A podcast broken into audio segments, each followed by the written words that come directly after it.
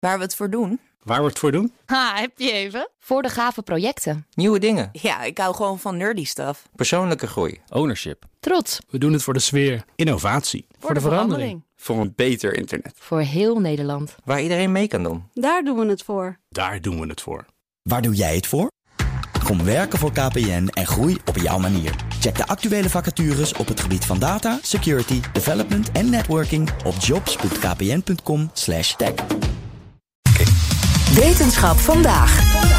En daarvoor schuift Martijn Rosdorf aan. En vandaag hebben we aandacht voor een oplossing voor een probleem dat we allemaal kennen. Namelijk uh, warmlopende laptops en mobieltjes. Ja, ik sprak vandaag met uh, Luca Bouwmeester van het Mesa Plus Instituut. Zij heeft haar PhD aan de Universiteit van Twente verkregen. omdat ze baanbrekend werk verricht op het gebied van topologische isolatoren. Schrik niet, het gaat je duidelijk worden. Luister maar. Met topologische isolatoren kunnen we energiezuinige elektronica ontwikkelen. Daarom zijn we eigenlijk op zoek naar een nieuwe bouwsteen voor een nieuw type elektronica, waarin het warmteverlies dus niet meer op zou treden. Dus Luca Bouwmeester is niet alleen op zoek gegaan naar nieuwe materialen. Ze heeft zelf ook nieuwe materialen gemaakt. Maar eerst wil ik dit even kwijt. Bijna alle, anders begrijp ik het niet meer. Bijna alle materialen in de natuur zijn of geleidend of isolerend. Ze geven stroom en warmte goed door, zoals koper, of niet. Een zoals een steen of zo. Een topologische isolator dat is echt iets anders. Een topologische isolator is eigenlijk een soort rare mengeling tussen deze twee grote groepen. Dus bij een topologische isolator is de binnenkant van het materiaal, de bulk, is isolerend. Maar de oppervlakte van het materiaal zullen zich gedragen als een glijder. En vandaar dat het dus een kruising is tussen de twee groepen isolatoren en geleiders. Nou, als je materiaal hebt dat feitelijk van twee walletjes eet, dan kan je apparaten maken die wel heel snel energie en stroompjes en dus informatie kunnen doorgeven, zonder daar allemaal warmte bij te verliezen. Nou, dat heeft als groot voordeel dat je veel langer met je accu doet, bijvoorbeeld. Nou, bestaan ze al, die topologische isolatoren? Er is alleen een flink probleem. Meesten doen het alleen bij extreem lage temperaturen. Bijna het absolute nul, nulpunt. Dat is min 273 klein nulletjes, heb ik even opgezocht net. Oké, okay, vandaar dat wij er nog nooit van gehoord hebben. Nee, dat is echt. Ja, ze doen het dus alleen als je extreem koelt. Ja. Maar ja, dat kan niet in een laptop, want het, is, het gaat niet met gewoon een koelkast, maar met enorme apparaten. Laat staan in een, uh, in een smartphone. Nou, Bouwmeester die is dus aan de slag gegaan om materiaal te maken dat bij kamertemperatuur al topologisch isoleert. Maar dat was absoluut niet makkelijk. Nee, want dit klinkt heel leuk en dit klinkt alsof het zo, uh, zo voor elkaar is.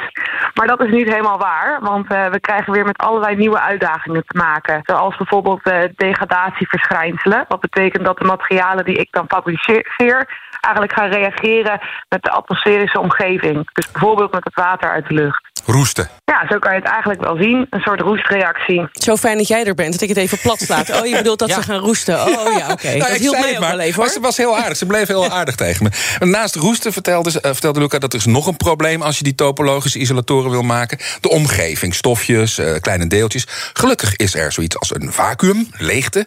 En al het werk aan haar isolatoren deed Luca Bouwmeester in een vacuüm. Eh, en met vacuüm kunnen we heel veel. We kunnen zelfs kleine stukjes vacuüm afkoppelen. Als een soort van vacuümkoffer. En dat ergens aan een ander systeem weer vastkoppelen. Dat heb ik bijvoorbeeld gedaan vanaf de Universiteit Twente naar Parijs. Ze reisde dus met een vacuümkist met daarin haar zelfgemaakte materialen als een soort moderne eh, Marie Curie. Reisde ze, reisde ze op en neer naar Parijs. En let op, even een stukje laat ik horen. De accu, de batterij waar ze over spreekt, heeft ze zelf gemaakt van een elektrische fietsbatterij. Ja, dus eigenlijk wat wij doen, we koppelen een klein bolletje vacuüm af. Eh, dat zetten we dan in een kist neer eh, met een batterij erbij. Want het vacuüm moet in stand gehouden worden. Eh, we zetten de kist achter in de auto en we kunnen naar Parijs rijden. En daar kunnen we dan weer de, de vacuüm, vacuümkoffer aankoppelen. Want in Parijs hebben ze dan weer apparatuur die wij niet, die, waar we niet over beschikken in Nederland. Dus vandaar dat we nog uitgebreider onderzoek kunnen doen op de materialen die ik heb gemaakt, zonder dat ze beschadigen. Oh, vandaar ook dat ze naar Parijs ging. Ik vroeg me al af, waarom moeten ze nou helemaal Ja, naar daar hebben Parijs ze een hele ingewikkelde soort ja, een microscoop, noem ik het maar, die van vier kanten naar het materiaal kan kijken. Maar goed, ontzettend interessant, maar ze moesten voor naar Parijs. Al dat werk, al dat onderzoek, dat gereis leverde minstens twee veelbelovende materialen op. Ik waag me aan één naam, Babio 3. Nou, ze moest hartstikke lachen toen ik dat zo want het is namelijk bariumbismutoxide.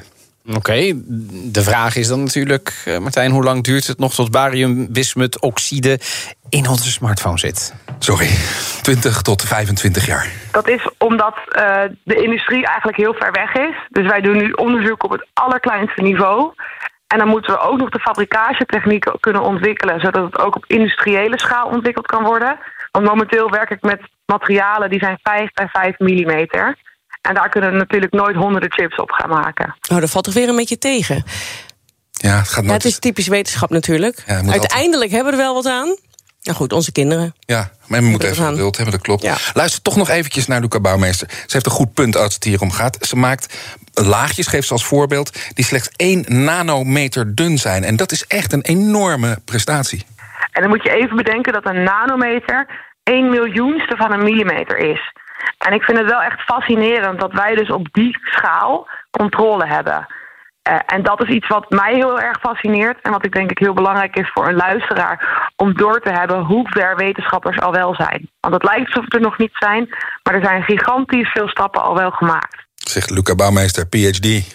En optimist. Zeker weten. Nee, maar ze heeft wel gelijk natuurlijk ook. Ja. Dankjewel. Ik heb weer wat geleerd, Martijn. Wetenschap vandaag wordt mede mogelijk gemaakt door Broadwick, de staffingpartner voor het data. Ook Diana Matroos vind je in de BNR-app. Ja, inderdaad. Je kunt live naar mij luisteren tijdens de Big Five. Ook handig in de BNR-app. Breaking nieuwsmeldingen, maar ook het allerlaatste zakelijke nieuws. En je vindt in de app alle BNR-podcasts, waaronder Wetenschap Vandaag. Download nu de gratis BNR-app en blijf scherp.